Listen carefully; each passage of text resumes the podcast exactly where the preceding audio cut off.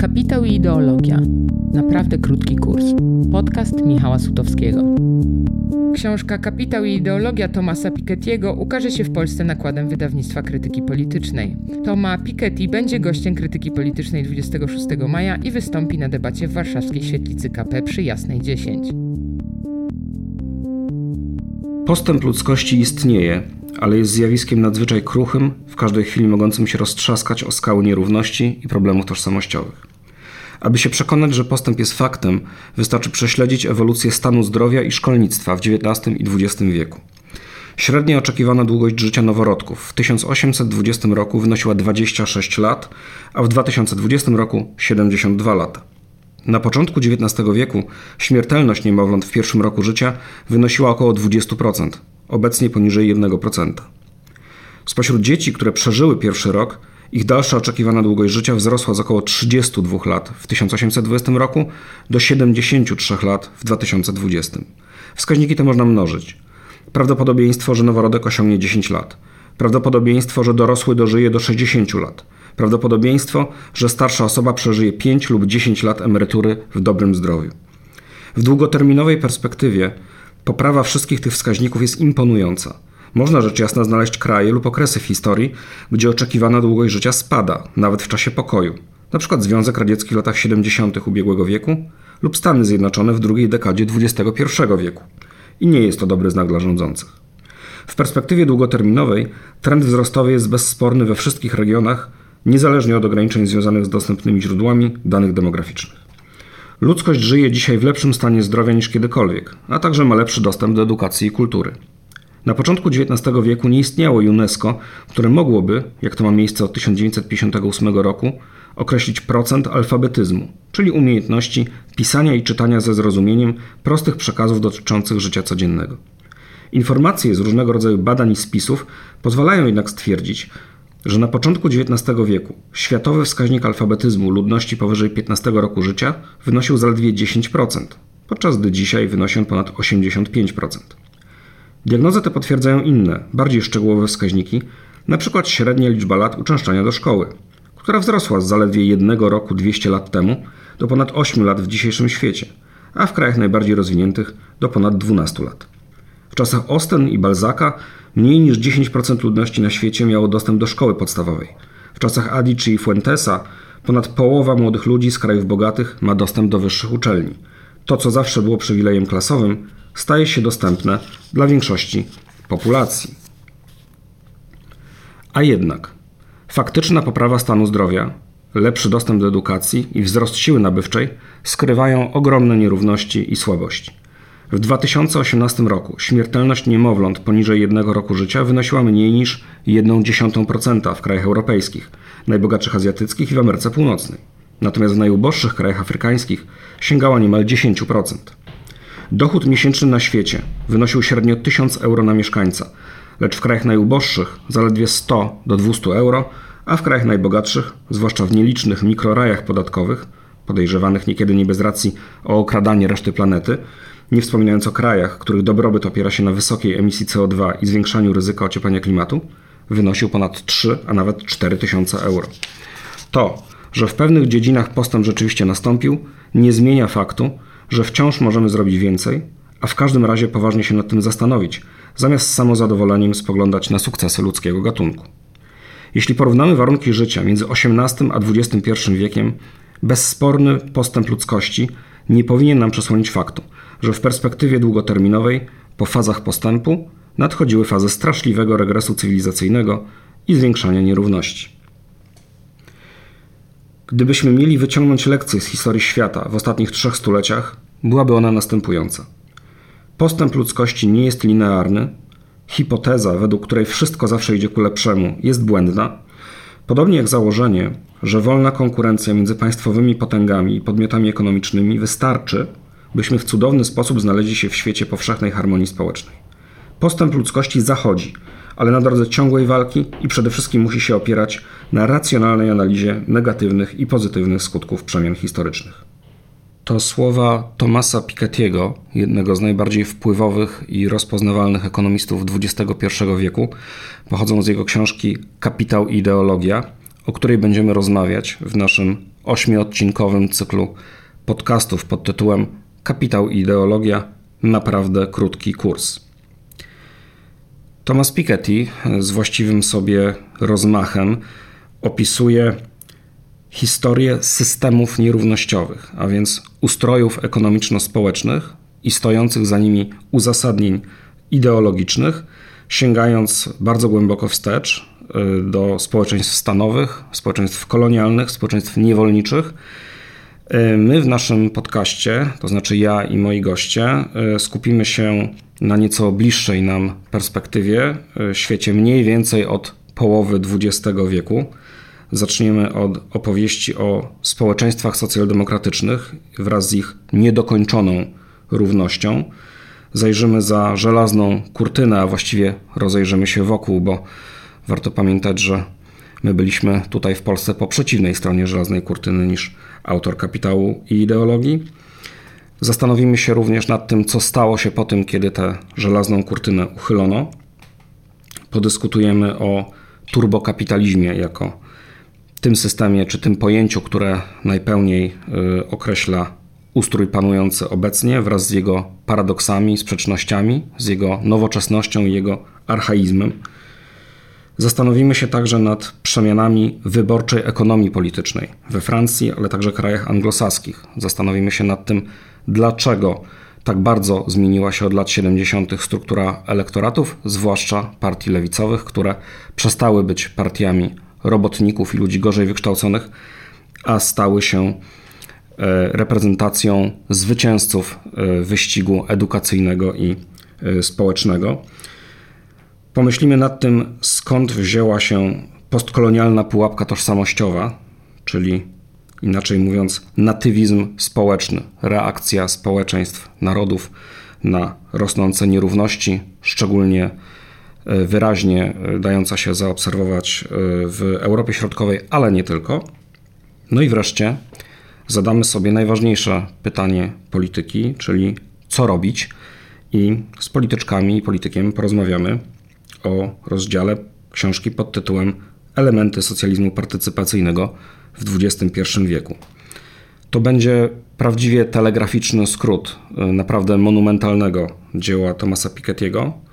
Pragniemy zachęcić Państwa do y, lektury i zgłębienia tego wszystkiego, co Thomas Piketty ma nam do zaproponowania, ale przede wszystkim chcemy opowiedzieć e, historię świata, w którym żyjemy, historię nierówności, z jakimi musimy się mierzyć i opowiedzieć to wszystko w kontekście możliwych e, wniosków na przyszłość. Te diagnozy, te dane rozpoznania mają nam pomóc zaprojektować, wymyślić e, świat sprawiedliwszy, świat bardziej równy, ja nazywam się Michał Sutowski. Zapraszam Państwa na kolejne odcinki podcastu i ten dzisiejszy poświęcony będzie socjaldemokracji. Co to jest socjaldemokracja? To coś więcej niż tylko y, partie polityczne odwołujące się do y, pewnych wartości czy tradycji, coś więcej niż y, ruchy społeczne kojarzone z lewicą europejską to pewien model społeczeństwa, który zakłada, że kapitalizm, a zwłaszcza własność prywatna, są osadzone społecznie. To znaczy, że dynamika gospodarki musi y, służyć y, dobru wspólnemu, a prawa właścicieli, zwłaszcza właścicieli przedsiębiorstw, nie są nieograniczone E, praca nie jest tylko e, sferą e, prywatnych kontraktów, ale ma też wartość znowu wspólnotową. Wreszcie kluczowym elementem modelu socjaldemokratycznego jest państwo, które na różne sposoby w życie gospodarcze i społeczne ingeruje, czy to zapewniając E, dostarczając odpowiedniej jakości usługi publiczne, np. oświatę, ochronę zdrowia czy zabezpieczenie społeczne na starość czy od różnych ryzyk, e, ale także e, wpływa na to, jak dzielone są dochody. Znaczy, krótko mówiąc, państwo w ustroju socjaldemokratycznym nie dopuszcza do tego, żeby rozwarstwienie dochodowe i majątkowe było nadmierne, to znaczy na tyle duże, aby na przykład zaburzało e, równość procesu e, demokratycznego.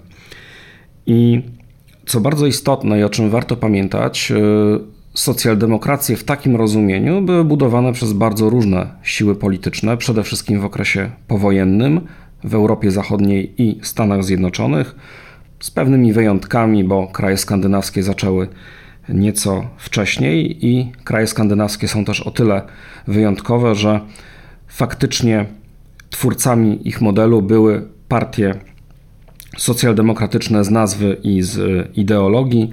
Gdzie indziej wyglądało to bardzo różnie. Najczęściej po II wojnie światowej państwa opiekuńcze y, budowały różne frakcje elit politycznych, do których należeli i konserwatyści, i centroprawica, y, i chadecy, i również partie socjalistyczne czy socjaldemokratyczne. Podobnie było w Stanach Zjednoczonych, y, gdzie takim wehikułem politycznym budowy społeczeństwa i państwa socjaldemokratycznego była Partia Demokratyczna, ale przy wyraźnym współudziale e, republikanów. Krótko mówiąc, po II wojnie światowej w kwestii modelu socjaldemokratycznego i w kwestii społecznego osadzenia kapitalizmu panował dość szeroki e, konsensus. I Thomas Piketty w Kapitale i Ideologii koncentruje się na trzech wątkach, czy takich trzech wielkich narzędziach budowy y, społeczeństwa socjaldemokratycznego i y, zaprowadzania większej równości społecznej, ekonomicznej i politycznej. Jeden wątek to kwestia współzarządzania, więc wpływu pracowników na to, jak funkcjonują przedsiębiorstwa i jak funkcjonuje gospodarka. Tutaj elementem towarzyszącym była polityka nacjonalizacyjna, jedno i drugie pozostawały w dość ciekawym napięciu. Drugi wątek to egalitarna edukacja zapewniana przez państwo ze środków publicznych. I wreszcie trzeci wątek to podatki. E, najwięcej chyba mówi się dzisiaj o podatkach dochodowych, e, gdyż dotyczą one e, proporcjonalnie największej części społeczeństwa, ale Thomas Piketty wskazuje na szczególną rolę podatków majątkowych, czyli podatków od zgromadzonego bogactwa w różnych y, formach. I teraz te wszystkie trzy wątki, to znaczy współzarządzanie i nacjonalizacja z jednej, edukacja z drugiej, podatki z trzeciej strony, to są kwestie decydujące dlatego, że model socjaldemokratyczny mógł sprawnie funkcjonować w okresie powojennym, ale także, że przy zmianie warunków społecznych, gospodarczych politycznych, kulturowych e, na przełomie lat 70. i 80. W tych trzech e, obszarach właśnie e, rozpoczął się kryzys, który przyniósł z jednej strony istotny wzrost nierówności w całym świecie zachodnim, choć w różnym stopniu, w Europie i w Stanach Zjednoczonych. No i przyniósł również zmierzch socjaldemokracji jako pewnej ideologii panującej oraz projektu politycznego. I e, wypadałoby zacząć od e, kwestii współzarządzania i nacjonalizacji właśnie, bo dotyczą one tego, jak zorganizowany jest rynek pracy. We współzarządzaniu, najkrócej mówiąc, chodzi o to, że pracownicy mają wpływ na to, jak funkcjonuje przedsiębiorstwo, mają wpływ na politykę płacową, na warunki pracy, ale także na politykę inwestycyjną przedsiębiorstwa. I to, jest, to był przedmiot zainteresowania przede wszystkim ruchu związkowego w krajach sfery niemieckojęzycznej, w Niemczech i w Austrii, ale także w krajach skandynawskich. Ruchy e, związkowe e, w tych krajach, e, w Skandynawii również Partia Socjaldemokratyczna, walczyły o to, bo trzeba podkreślić, że nie był to proces samoistny, ale coś, co odbywało się w kontekście no, dużego konfliktu społecznego. Otóż ruchy związkowe e, i partie e, socjaldemokratyczne walczyły o to, żeby pracownicy mieli e, swoją reprezentację w zarządach firm, czy to w radach dyrektorów, czy to w radach nadzorczych, w zależności od tego, jakie były poszczególne formy zarządzania w różnych krajach. Wynikało to z przekonania, że własność prywatna, inaczej niż myślano w XIX wieku, nie ma charakteru świętego ani nieograniczonego. Znaczy, że własność prywatna, własność prywatna środków produkcji powinna być osadzona społecznie, to znaczy powinna uwzględniać e, potrzeby całej wspólnoty, powinna uwzględniać dobro wspólne, a instrumentem zagwarantowania tego, że własność prywatna służyć będzie dobru wspólnemu, miało być właśnie, no i tutaj polityki były różne w różnych krajach, ale w Niemczech i w Skandynawii, także w Austrii, y, zdecydowano się na y, wzmacnianie reprezentacji pracowniczej w zakładach pracy, przede wszystkim y, w zakładach dużych, w fabrykach przemysłu ciężkiego. To był długi i dość burzliwy proces historyczny. Co ciekawe, y, w Niemczech y, to osadzenie własności prywatnej jest nawet wartością konstytucyjną i co ciekawe zapisaną w dwóch konstytucjach, bo i w Konstytucji Republiki Weimarskiej z 1919 roku oraz w Ustawie Zasadniczej Republiki Federalnej Niemiec z roku 1949.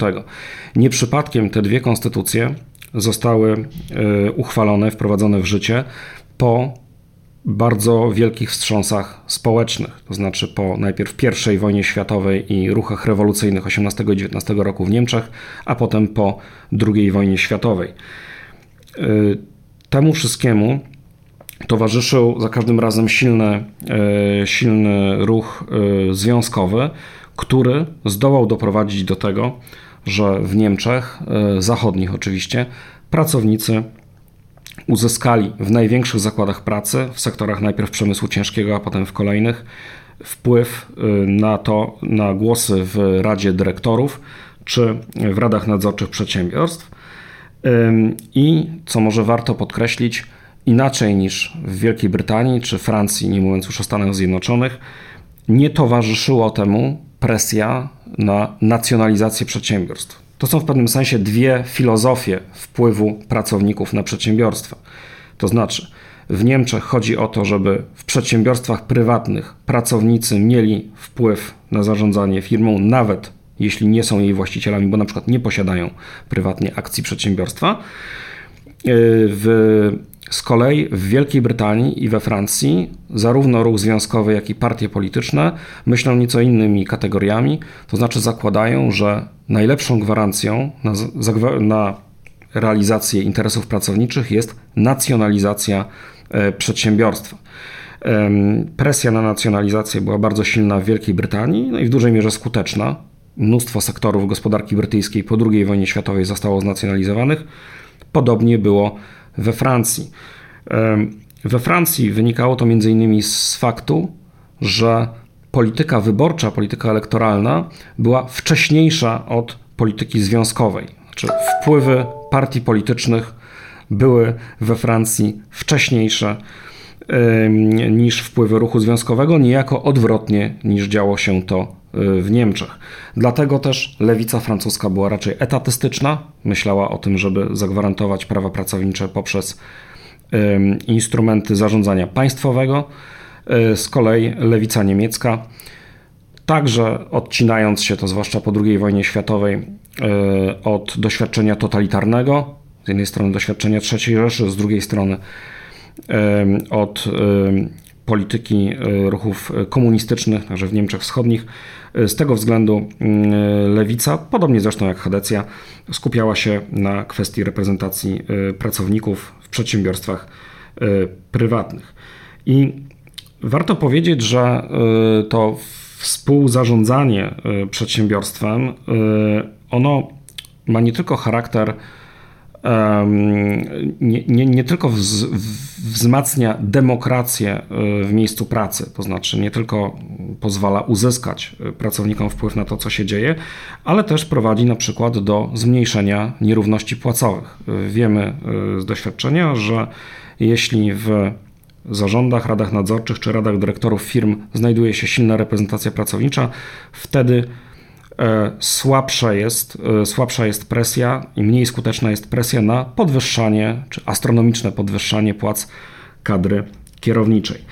E, duży udział współzarządzania przedsiębiorstwami w Niemczech, w Austrii, w krajach skandynawskich niewątpliwie ma wpływ na to, że rozwarstwienie płacowe w tych właśnie krajach jest mniejsze niż we Francji czy Wielkiej Brytanii, a jeszcze mniejsze niż w Stanach Zjednoczonych. I co bardzo ciekawe, dotyczy to nie tylko mm, tych złotych lat socjaldemokracji, czyli okresu powojennego lat z grubsza 1950-1980, ale także y, czasów, kiedy y, państwo opiekuńcze, model socjaldemokratyczny y, były stopniowo demontowane. Być może wynika to z faktu, że instytucje wpływu, instytucje samozarządzania, przepraszam, instytucje współzarządzania przedsiębiorstwami Y, mogły przetrwać zmiany polityczne czy zmiany polityki poszczególnych rządów. No bo niezależnie od tego, kto rządził w Niemczech, czy byli to chadecy czy socjaldemokraci, i jaką akurat linię prezentowali w polityce gospodarczej, te instytucje współzarządzania trwały i gwarantowały wpływ pracowników na to, co się dzieje w firmie. Natomiast w przypadku takich krajów jak Wielka Brytania, czy zwłaszcza Francja, gdzie kluczem była nacjonalizacja własności prywatnej, znaczy krótko mówiąc, kontrola e, przedsiębiorstw e, przez e, władzę, no to w momencie, gdy władza się zmieniała na przykład na bardziej liberalną, no to często przychodziło jej do głowy pomysły w rodzaju prywatyzacji tego, co wcześniej zostało znacjonalizowane. Krótko mówiąc, w krajach takich jak Francja czy Wielka Brytania, ta siła przetargowa, siła polityczna pracowników E, była słabsza i bardziej zależna od e, bieżących zmian e, w polityce krajowej. Warto może dodać jeszcze jedną rzecz. Mm, ten wpływ pracowników mm, może oczywiście na przedsiębiorstwa, może oczywiście zachodzić różnymi drogami, ale mm, warto pamiętać o pewnych istotnych różnicach między tymi rozwiązaniami, które znamy z Niemiec, Austrii czy Skandynawii, a różnymi pomysłami, które stały się głośne na przykład w Wielkiej Brytanii w czasach rządów pani Margaret Thatcher. Wtedy pojawiło się hasło społeczeństwa drobnych właścicieli. To znaczy chodziło o to, żeby pracownicy otrzymywali akcje przedsiębiorstw, żeby stali się właścicielami, żeby zaczęli myśleć w logice akcjonariatu. To absolutnie nie jest to samo. Czym innym jest sytuacja, w której pracownicy mają wpływ na działalność firmy właśnie jako jej pracownicy, a czym innym, kiedy y, upowszechnia się y, posiadanie udziałów w różnych firmach y, wśród obywateli. To rozwiązanie też ma swoje zalety, ale jednakowoż na dłuższą metę raczej prowadzi do osłabienia wpływów świata pracy. Inna rzecz, że jak już powiedziałem, te rozwiązania były mocno zakorzenione w tradycji ruchów społecznych, w tradycji politycznej poszczególnych krajów, więc nie są to rozwiązania tak łatwo eksportowalne czy dające się przenieść z jednego kraju do drugiego. Niemniej współzarządzanie okazało się, na to wygląda, y, dużo skuteczniejszą metodą gwarantowania realizacji interesów pracowniczych niż nacjonalizacja, no, której urok wyraźnie zblakł e, pod koniec lat 70., na początku lat 80., kiedy to okazywało się często, że państwa no nie zawsze, nie we wszystkich sytuacjach dobrze sobie radzą z zarządzaniem przedsiębiorstwami, no a do tego w sytuacji, kiedy przedsiębiorstwo jest znacjonalizowane, czyli jest pod kontrolą rządu, kiedy ten rząd na przykład zrobi się bardziej liberalny, to e, cały mechanizm no, niejako dochodzi do ściany, bo ten liberalny rząd kontrolujący przedsiębiorstwo może zechcieć to przedsiębiorstwo sprywatyzować i wtedy powracamy do starej logiki, w której właściciel, tym razem prywatny, ma całkowity wpływ na zarządzanie firmą. Krótko mówiąc, współzarządzanie i nacjonalizacja to jest taka bardzo ważna oś, e, na której, e, na której warto czytać to, jak działały y, modele socjaldemokratyczne. No i to są też dwa ważne punkty odniesienia do, do, do tego, jak myśleć o rynku pracy i wpływie pracowników na firmy w przyszłości. A poza współzarządzaniem, nacjonalizacją i w ogóle polityką rynku pracy, kluczowym, kluczowym elementem modelu socjaldemokratycznego była edukacja w miarę możliwości egalitarna, w miarę możliwości powszechna, zmierzająca do redukcji nierówności, przynajmniej tych na starcie, i finansowana ze środków publicznych, a nie prywatnych. Może będzie dla części naszych słuchaczy pewnym zaskoczeniem, że w wieku XIX i w pierwszej połowie XX to Stany Zjednoczone były bardziej egalitarne, jeśli chodzi o edukację. Bo już w połowie XIX wieku do szkoły podstawowej uczestniczyło, uczęszczało, przepraszam, mniej więcej 80% dzieci w wieku 7-11 lat, a jeśli weźmiemy pod uwagę dzieci białe, to jest niestety zastrzeżenie, które w przypadku Stanów Zjednoczonych szczególnie e, no, mocno trzeba, e, trzeba podkreślić. Jeśli weźmiemy pod uwagę dzieci białe, ten wskaźnik wynosił ponad 90%.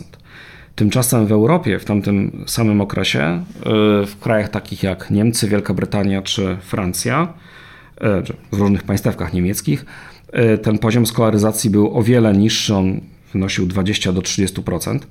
Co ciekawe, Wielka Brytania, największa wówczas potęga y, y, morska, ale też potęga gospodarcza, w roku 1861 zleciła Komisji Parlamentu badanie poziomu skolaryzacji y, podstawowej w kraju. No i wyniki okazały się na tyle przygnębiające, że sfałszowano to to, co podano y, do wiadomości publicznej, y, w rzeczywistości, wbrew temu, co twierdzono, y, jedynie około połowy dzieci brytyjskich, podkreślmy w najbogatszym wówczas kraju na świecie, uczęszczało do szkół podstawowych. Ten poziom uczestnictwa czy poziom skolaryzacji na poziomie podstawowym, który w Stanach Zjednoczonych był bliski 100% już w połowie XIX wieku, najbardziej zamożne, najbardziej rozwinięte kraje Europy osiągnęły dopiero na przełomie XIX i XX wieku. Pewnym wyjątkiem pozytywnym są tutaj kraje y, skandynawskie, których ten y, poziom uczęszczania do szkoły był wprawdzie niższy niż w USA, ale jednak wyższy niż w Niemczech czy Francji. Thomas Piketty tłumaczy to no, między innymi tradycją protestancką, która łączy dużą część ludności amerykańskiej właśnie z, z mieszkańcami e, Skandynawii. Jak wiemy, w religii protestanckiej samodzielna lektura Biblii jest e, istotnym elementem e, formacji duchowej, moralnej, w związku z czym no, ze względu właśnie na wyznawaną wiarę, ta umiejętność czytania czy alfabetyzacja była, była czymś postulowanym i niejako niejako obok y, potrzeb, y, potrzeb gospodarczych.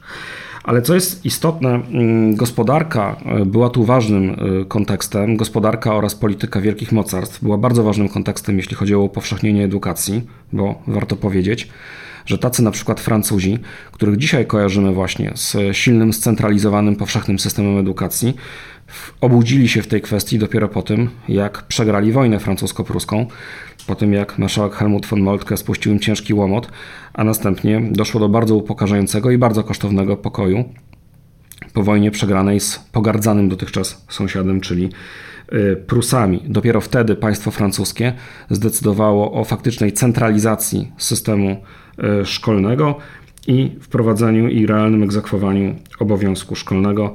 Gwoli anegdoty można powiedzieć, że y, kojarzona dziś bardzo mocno ze świeckością, czy wprost laickością Francja i francuska e, szkoła e, nie jest e, tworem historycznie bardzo starym, bo jeszcze w latach 80. XIX wieku utrzymywane przez gminy szkoły zatrudniały nauczycieli pod warunkiem uzyskania przed nich certyfikatu moralności od lokalnego proboszcza. E, co ciekawe, e, w kwestii edukacji e, jeszcze później obudzili się Brytyjczycy. Elity brytyjskie bardzo długo uważały, że rozwój kraju zależy przede wszystkim rozwój, pomyślność, dobrobyt i potęga zależą przede wszystkim od akumulacji kapitału finansowego i przemysłowego, czego warunkiem jest przede wszystkim zapewnienie trwałości, stabilności E, własności e, prywatnej, oczywiście utrzymywanie kolonii i handlu zamorskiego i myślę, że jakoś wymowne są tutaj dane pokazujące, jak wiele, a właściwie jak mało Brytyjczycy przeznaczali na edukację, dużo mniej niż Amerykanie. Na przełomie XIX i XX wieku te wydatki brytyjskie wzrosły co prawda z 0,2 do 0,7% PKB na edukację.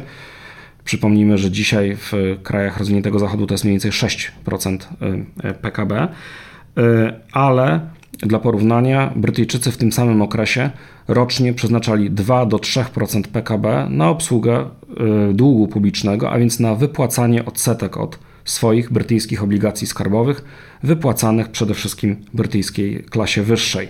No to pokazuje bardzo dobrze, jak były ustawione e, priorytety i gdzie widziano źródła bogactwa i dobrobytu. Więc oszczędności, własność prywatna i możliwość akumulowania majątku przez najzamożniejszych bardzo długo, właściwie do I wojny światowej, traktowane były jako dużo poważniejsze czynniki powodzenia e, niż upowszechnienie e, edukacji.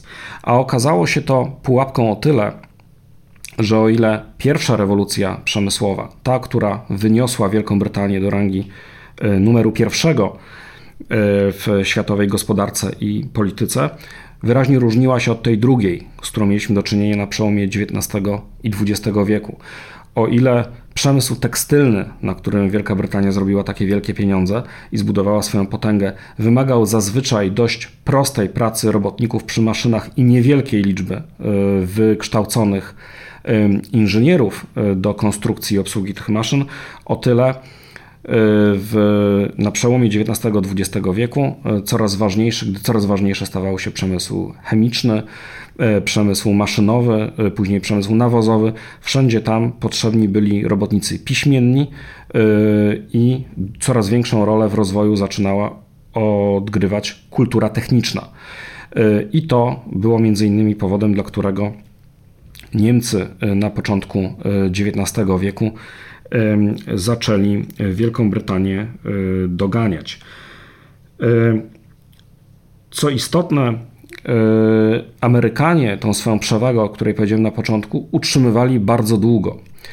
E, powiedziałem, że w połowie XIX wieku większość amerykańskich białych dzieci uczęszczała do szkoły w Europie Zachodniej, e, do szkoły podstawowej. W Europie Zachodniej nastąpiło to dopiero na przełomie wieków XIX i XX, a więc z kilkudziesięcioletnim opóźnieniem. Jeśli chodzi o szkolnictwo średnie, E, w Stanach Zjednoczonych niemal wszyscy młodzi ludzie zaczęli uczęszczać do szkoły średniej po II wojnie światowej. Mniej więcej na przełomie lat 50. i 60. ten wskaźnik sięgał 90%. E, I e, podobne osiągnięcia charakteryzują dopiero Japonię, ale mniej więcej 15-20 lat później, a Wielką Brytanię, Francję czy Niemcy dopiero 30 lat później, to znaczy mniej więcej w latach 80.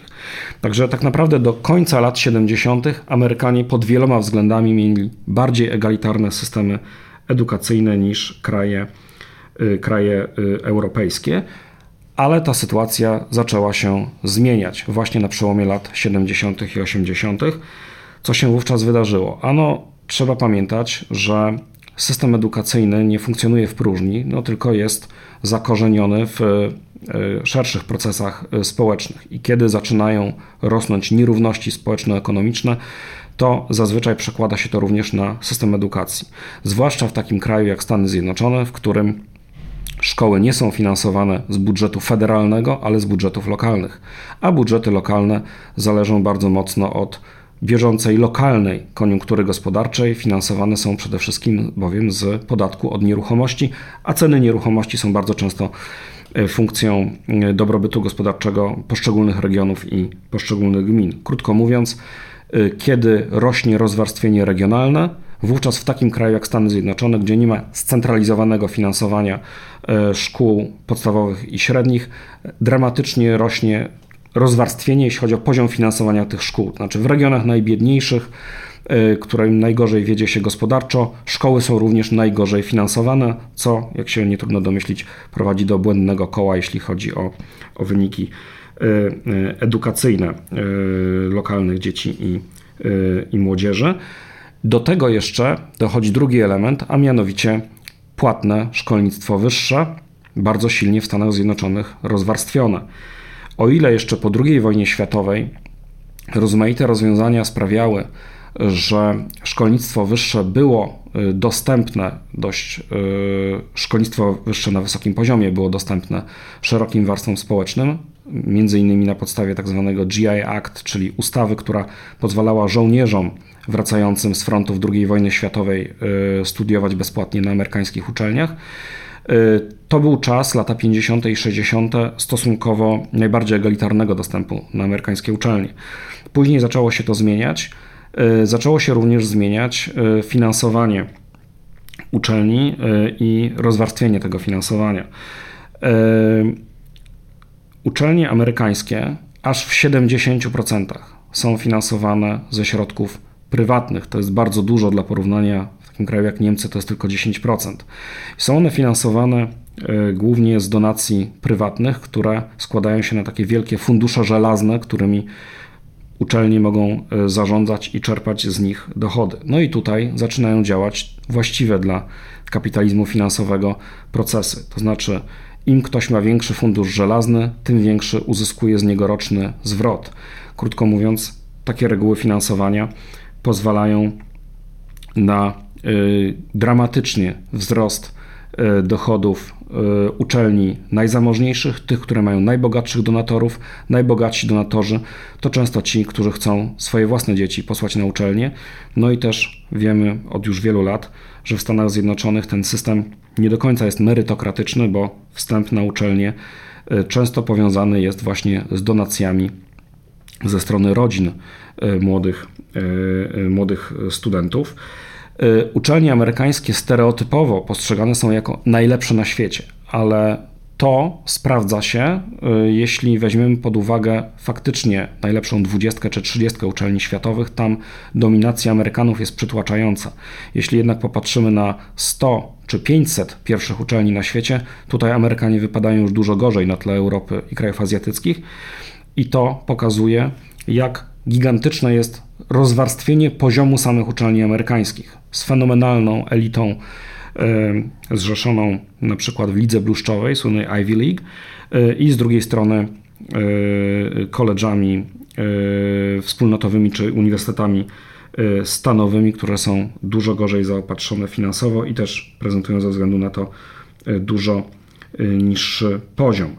Przy czym warto powiedzieć, że choć amerykański e, system edukacji e, jest dziś rozwarstwiony skrajnie, z jednej strony ze względu na nieegalitarne szkolnictwo podstawowe i średnie, a potem ze względu na bardzo drogie, z astronomicznym, często czesnym, elitarne szkolnictwo wyższe, problemy nierówności pojawiają się także w tych krajach, gdzie szkolnictwo jest w dużej mierze finansowane publicznie. Tu świetnym przykładem tego jest Francja, bo tam z kolei, choć szkoły są finansowane e, ze środków e, z budżetu państwa, e, to dwa procesy, czyli rejonizacja oraz wielkie nakłady na szkolnictwo elitarne powodują, że mimo tego, że finansowanie jest publiczne, to system edukacyjny reprodukuje nierówności.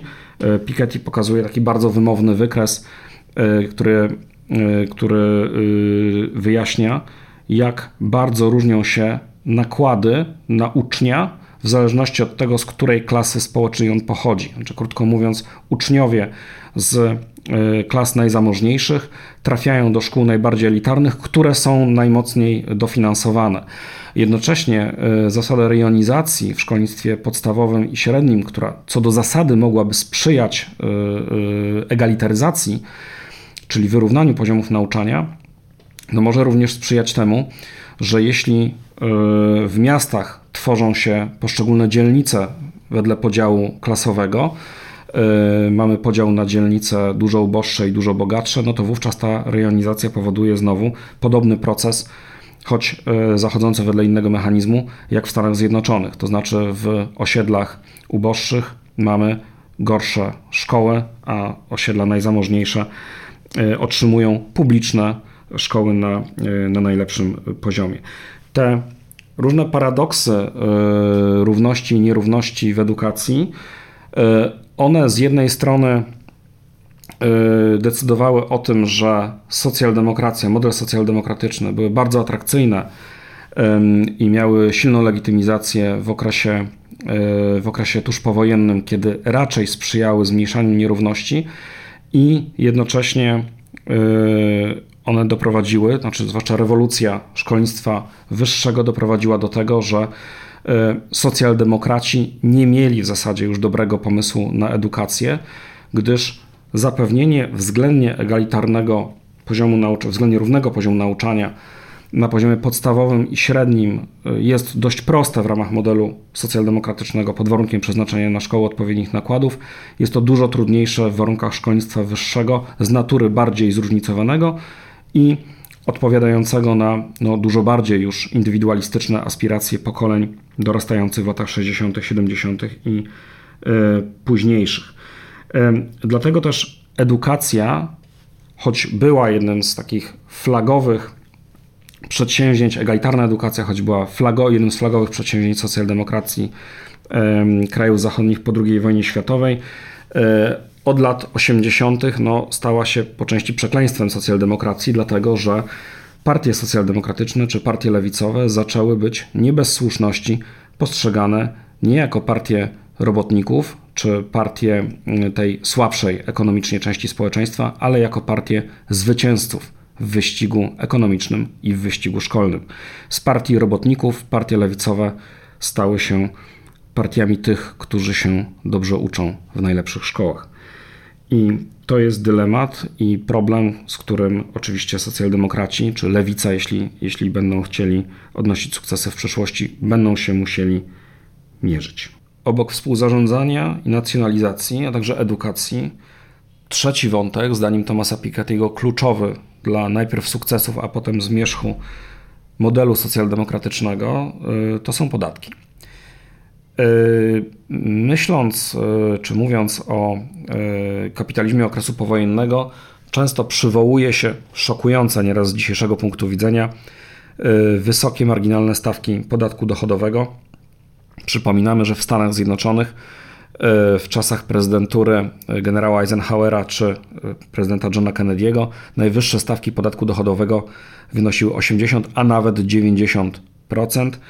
O podatkach w Szwecji to opowiada się anegdoty, wskazując, że krańcowa stawka wynosiła nieraz 100 kilka procent, e, a jednocześnie ten, ten element, to znaczy myślenie o podatkach, zdaniem E, Tomasa Piketty'ego został przez socjaldemokrację tak naprawdę intelektualnie zaniedbany. I w czym rzecz? Otóż faktycznie socjaldemokracje skoncentrowane były na podatkach dochodowych, to znaczy na tym, żeby od osób zarabiających najwięcej pobierać jak największą daninę w imię pewnej solidarności z resztą społeczeństwa i finansować z tych środków e, szeroką paletę e, wydatków E, publicznych.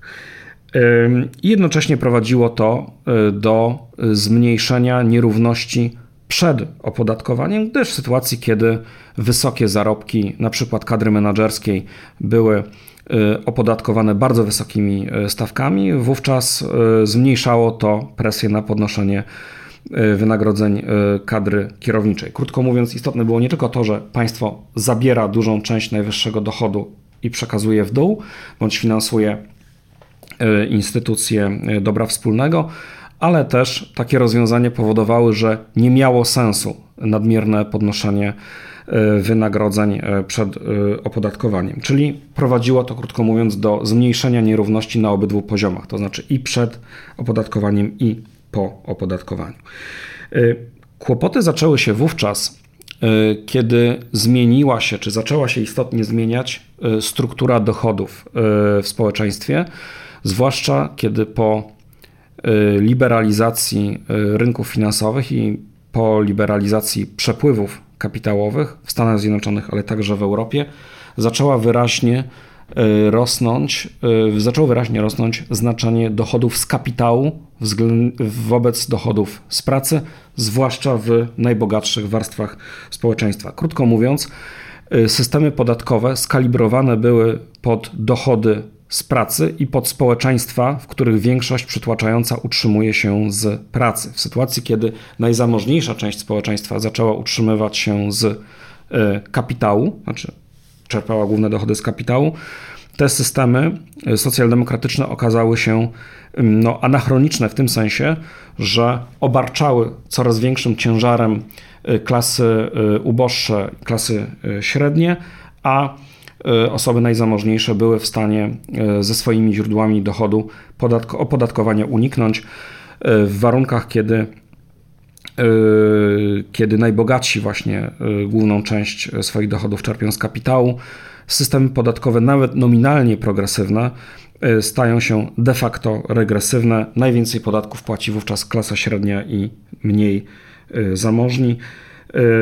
I to oczywiście nie tylko powoduje, że państwo traci istotną część dochodów do budżetu, z których mogłoby finansować wysokiej jakości usługi publiczne, ale to również bardzo obniża legitymację systemu gdyż e, szerokie warstwy społeczne, znaczy wyborcy właśnie z klas e, średnich czy, czy z klas ludowych, e, no, stają się coraz bardziej sceptyczni w kwestii utrzymywania państwa opiekuńczego, zdając sobie sprawę, że dokładają się do niego relatywnie więcej niż, niż najzamożniejsi, no, co jest głęboko sprzeczne z samą tą fundamentalną ideą socjal, socjaldemokratyczną.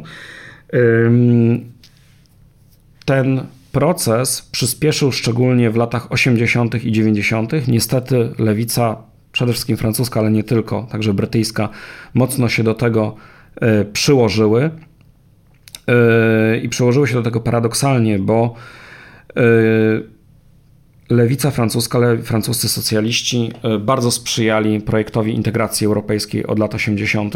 Zależało im na, z różnych powodów na wspólnej walucie ale między innymi dlatego też zgodzili się, także pod wpływem lobbingu banków e, francuskich, banków luksemburskich, e, na e, liberalizację przepływów kapitałowych w Europie, co było od wielu lat postulatem elit niemieckich. I teraz liberalizacja przepływów kapitałowych w Europie połączeniu z dużą nieprzejrzystością systemu finansowego oraz brakiem E, systemu automatycznej wymiany informacji podatkowej między poszczególnymi krajami doprowadził do tego, że najzamożniejsi mogli dużo łatwiej unikać e, opodatkowania.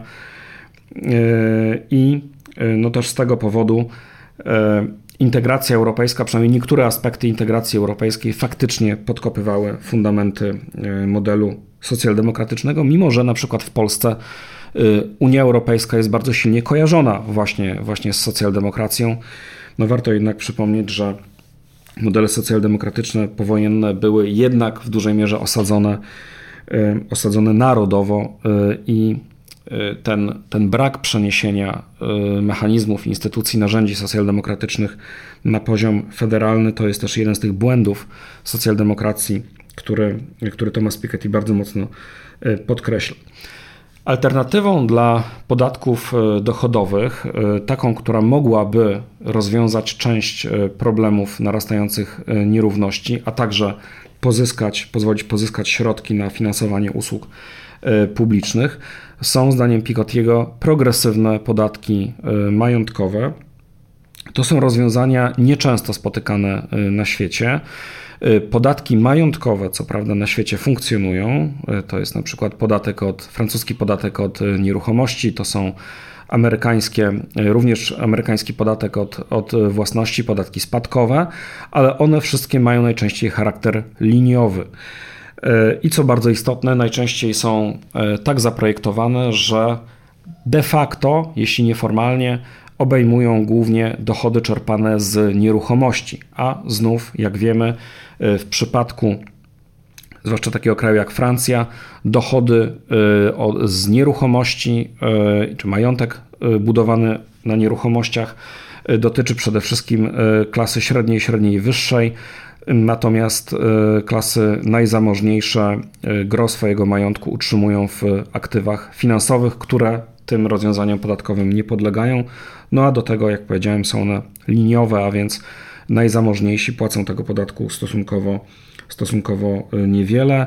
Y, progresywne podatki y, majątkowe funkcjonowały w Niemczech i w krajach skandynawskich ale dziś zostały, były znoszone stopniowo w latach 90. i dziś pozostały głównie w Norwegii i Szwajcarii i to w dość niewielkiej skali. Co jest istotne, podatki y, majątkowe miały znaczenie w okresie powojennym jako takie mm, narzędzia jednorazowej redystrybucji, zwłaszcza po II wojnie światowej, kiedy nagromadzenie długu publicznego było bardzo wysokie, a część nagromadzonych majątków budziła poważne wątpliwości, także moralne, w związku z tym, że na przykład we Francji bardzo wiele osób zamożnych dorobiło się e, w okresie e, okupacji. W domyśle można powiedzieć, że kolaborując e, czy to z rządem Vichy, czy, czy z niemieckim okupantem, wówczas dokonywano takich jednorazowych akcji w rodzaju podatku konfiskacyjnego, które to akcje, no właśnie ze względu na kontekst wojenny, miały dość dużą legitymację społeczną, odpowiadały na potrzebę redukcji zadłużenia e, publicznego, no i dawały szansę na takie nowe otwarcie